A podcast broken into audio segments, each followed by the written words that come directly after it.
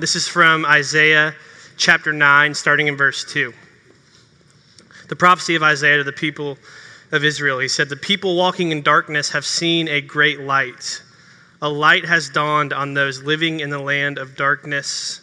You have enlarged the nation and increased its joy. The people have rejoiced before you as they rejoice at harvest time and as they rejoice when dividing spoils.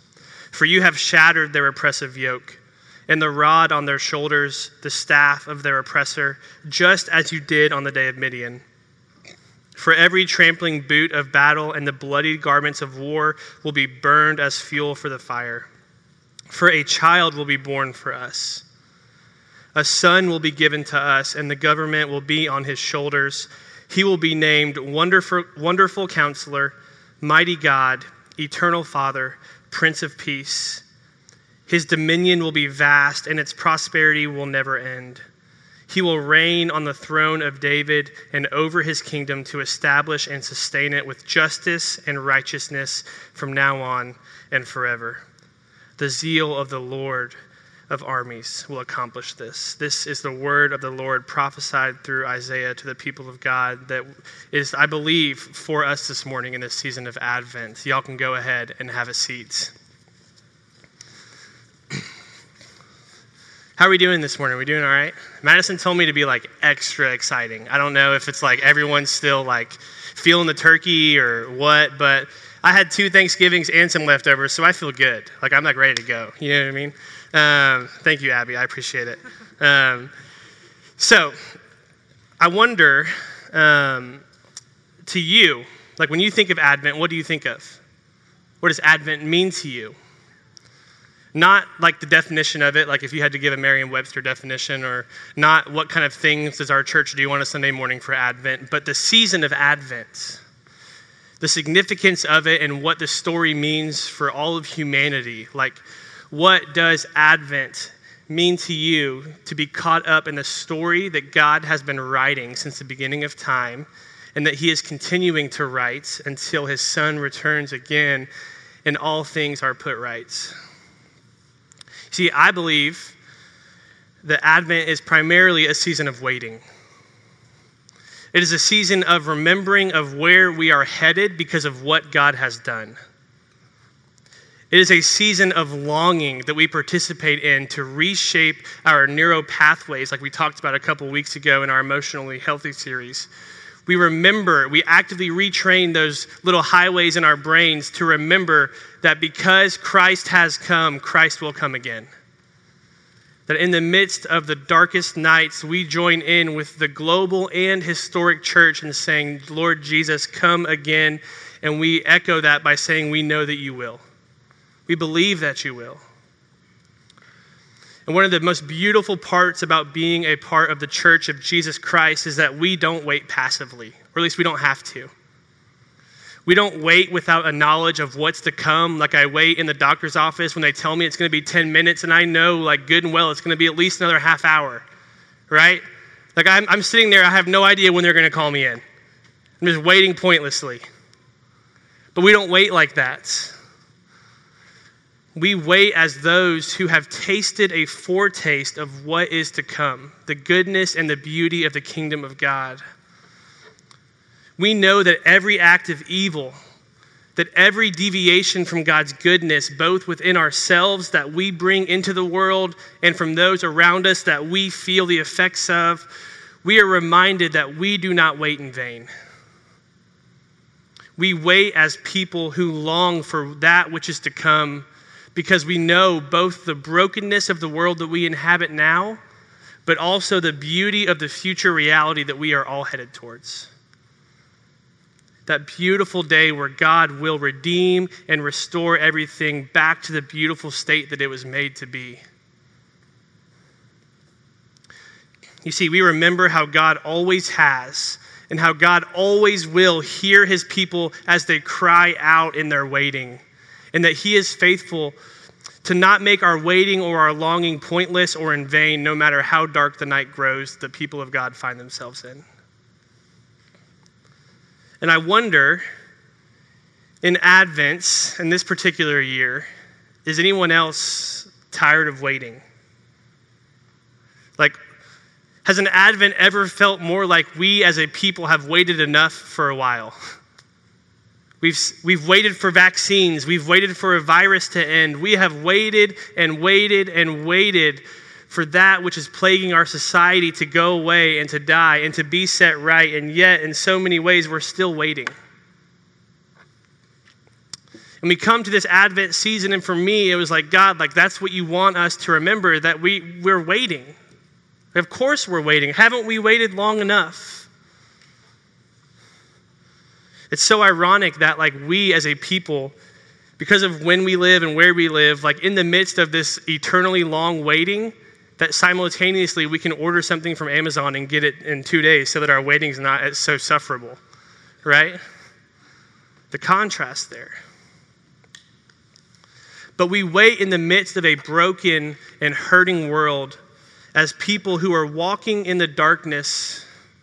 We wait as people who are pleading with God to take pain away, to change things, to make things better. And so we go through these cycles. We wake up, we trust God, we experience God, we know God, then we lose hope. Then we wake up with new vigor to get us through the day. Then we wonder if anything even matters at all. And yet, despite that, we continue to wait for God to bring a great light again because He has promised that He will make everything okay.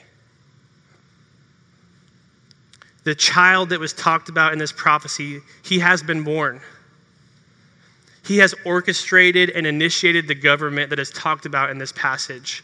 And we have experienced it in parts and in glimpses of what is to come but despite that, we continually cry out and long for it to break out in its fullness, to come sooner because we know what could be if God would just come again. And as I think about all of that, I was asking myself the same question I asked you What is Advent? What does this mean? What am I, what am I waiting for? What's the point of this waiting? And um, to be honest, as I was thinking about this the, over the past couple weeks, I don't know if I was just like extra sensitive or primed for our emotionally healthy series or what, but um, it brought up some stuff in me. Did it bring up some stuff in anybody else? Like, is it just me? Okay, I'm the only one who needs to. Okay, cool. But um, I realized that this Advent season, I think that one of the things I'm most fervently waiting for that I'm most looking forward to is I am like eagerly anticipating the day where I am in the presence of God because to be in the presence of God means that I no longer have to fight to accept that I am loved as I am.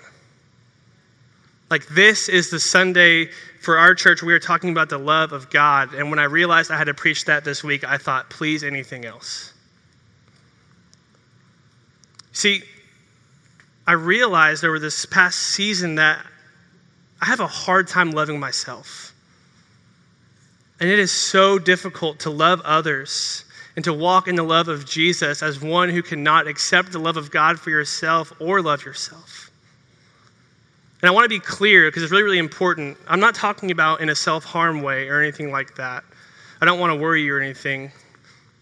I just realized that this week, as I prepared with God for a message on His love to our church on Love Sunday and Advent, that that was the last thing I was experiencing or feeling. See, this past Sunday, after I preached, I don't know why, but I felt just a tremendous wave of sadness come over me, which in and of itself isn't like a bad thing, right? Like sadness doesn't equal bad. But um, for some reason, like the cycle that I was on with my emotions, it didn't stop after sadness. It grew and it transformed towards shame. And for some reason, all I can see in myself were the reasons that I didn't think I was lovable or good enough or the person that I was supposed to be. The sermon wasn't good enough. The places of growth in my personal life, walking with Jesus, I just told myself there were places I was finally not living below what God had for me as a standard. I couldn't stop from comparing myself with the version of who I believed was a lovable version of myself. And I wonder in this Advent season of waiting, is anyone else waiting for the day where they don't have to experience that anymore? where that is not the reality of their lived like of their life. Is there anyone else in here who has a lovable version of their self and their imagination and they just can't seem to be that? Does anyone else look forward to the day where they can freely love God and love others because they aren't terrified of rejection or hurt or ridicule? See, I believe that in the incarnation, in Jesus taking on flesh, that Jesus modeled that freedom, that he demonstrated and then put on offer the way to live that is free from needing the approval and acceptance of others and being afraid of and feeling like you have to avoid their rejection or their ridicule. See, I believe that in that, Jesus took on human flesh and showed us how to be fully human. And to be fully human is to be fully accepting in the love of God. See, Jesus showed us a life that was fully submitted to the goodness and the direction of God. And this, I believe, came from his acceptance that God's love was good enough to trust. That it was good enough to build his own view of himself on. And because of that, he was capable of enduring rejection and suffering. And Advent reminds us that we can endure those things too. Not because it won't hurt, not because it won't come, not because it's something that God's actually orchestrating to make our life easier or more in line with what we want or anything like that. The reality is, is that sometimes life sucks. Advent gives us permission to be honest about that. Loving ourselves is hard, and loving others is harder when we can't get the first part right. And evil abounds all around us, and it threatens to rob us of everything beautiful and good and of God. But I believe that today we can freely receive the, lo- the love of Christ. The same love which stopped at nothing to pursue us and to rescue us while we were still enemies of God. The same love that we are promised can not be separated from the love of Christ, whether it's angel or demon or height or death or anything can separate us from this love. This love holds us fast in the midst of our uncertainty and rebellion against God's goodness and in the darkest of the nights. This love, it knows nothing other than selfless giving of oneself, as God promises to do and has done for us over and over through his Holy Spirit. And when we believe this and live this, I believe that we can accept that we're loved and we can learn to love each other. And that is where we're headed. A beautiful garden city where that is the operating norm for all of us. And we trust that that will come because of what God has already done in Jesus, because of his faithfulness. And the good news is that we don't have to wait as the world waits. We don't have to wait as those who are overcome by anxiety, as those who are uncertain or impatient, or how I am when I'm hangry. But rather, since Christ has come, we can wait expectantly for God's presence and we can actually walk into the ways that make us more and more into the people of love who will fill that garden city one day. We can live as people who truly believe that they have a ruler, a king, a Lord who is a wonderful counselor, who is a mighty God, an everlasting Father, and a Prince of Peace. And we can be people who orchestrate and live that government into every like inch of our city's existence. So, Church of Jesus Christ, who is gathered here this first Sunday of Advent, I want you to know some things. I want you to know that while it may feel dark now, and while the waiting tempts us to despair, and while our society reminds us of every single reason that we aren't good enough to be loved, or it tells us how much better we can do next time so that maybe we'll be worthy of being loved, I assure you of this Darkness and despair have shown their faces before, all throughout the story and the history of the people of God. They have battered the people of God. They have convinced them that darkness is all they would ever know, that God had abandoned them, that God had turned his back on them. If you don't believe it, read Lamentations When Israel is thrown into exile and they say, God, where are you? How could you let this happen? Don't you care about us or anything that has to do with your people? Read how the people were in the time as they waited in between Malachi and Matthew. See, darkness has always threatened to engulf the people of God. But this Advent, we remember that darkness and despair have conspired time and time again. And before, when they conspired, they conceived a great light unto the world that the conception of Jesus was in the midst of darkness and despair. And Jesus came and he brought something that was unlike anything anyone had ever seen before, but it was what we all deeply yearn for. And Jesus will do that again. Nothing can change that future reality, that Jesus will do that again. We will never struggle with not being who we think we ought to we will all be children of the light together, and it will be to the glory of God, and it will be good. And the zeal of the Lord of armies will accomplish this. I love how Isaiah ends it by saying that. The passion of God for his name and for his people will not let him forget or abandon this mission that he began. And so this morning, as we head to communion, we remember that we are a people in the waiting. And I don't know what you're waiting for. On Love Sunday, I don't know if you're struggling with accepting that you are loved when God says that He loves you, that you are good when He says that you are good. I don't know. But I know that as we head to communion, that we can take the bread and the juice we can remember that Jesus took on flesh to remind us that he cares about our bodies and what we are walking in and experiencing right now. We can remember the blood that was spilled to set all things right, to atone for, to redeem, and to restore that which has gone wrong.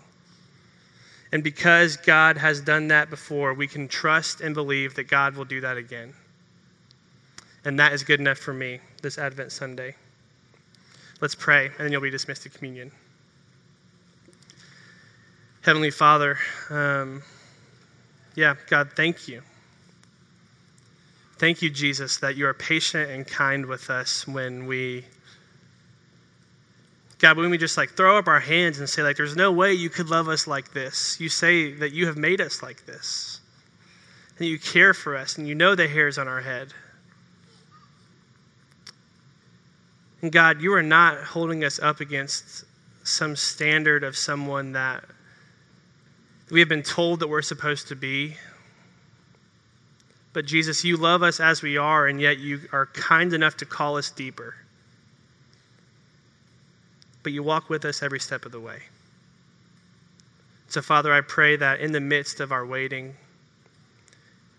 that you would help us to wait as people who are made more and more into people of your love your selfless and beautiful love, Father. We pray this in your name. Amen.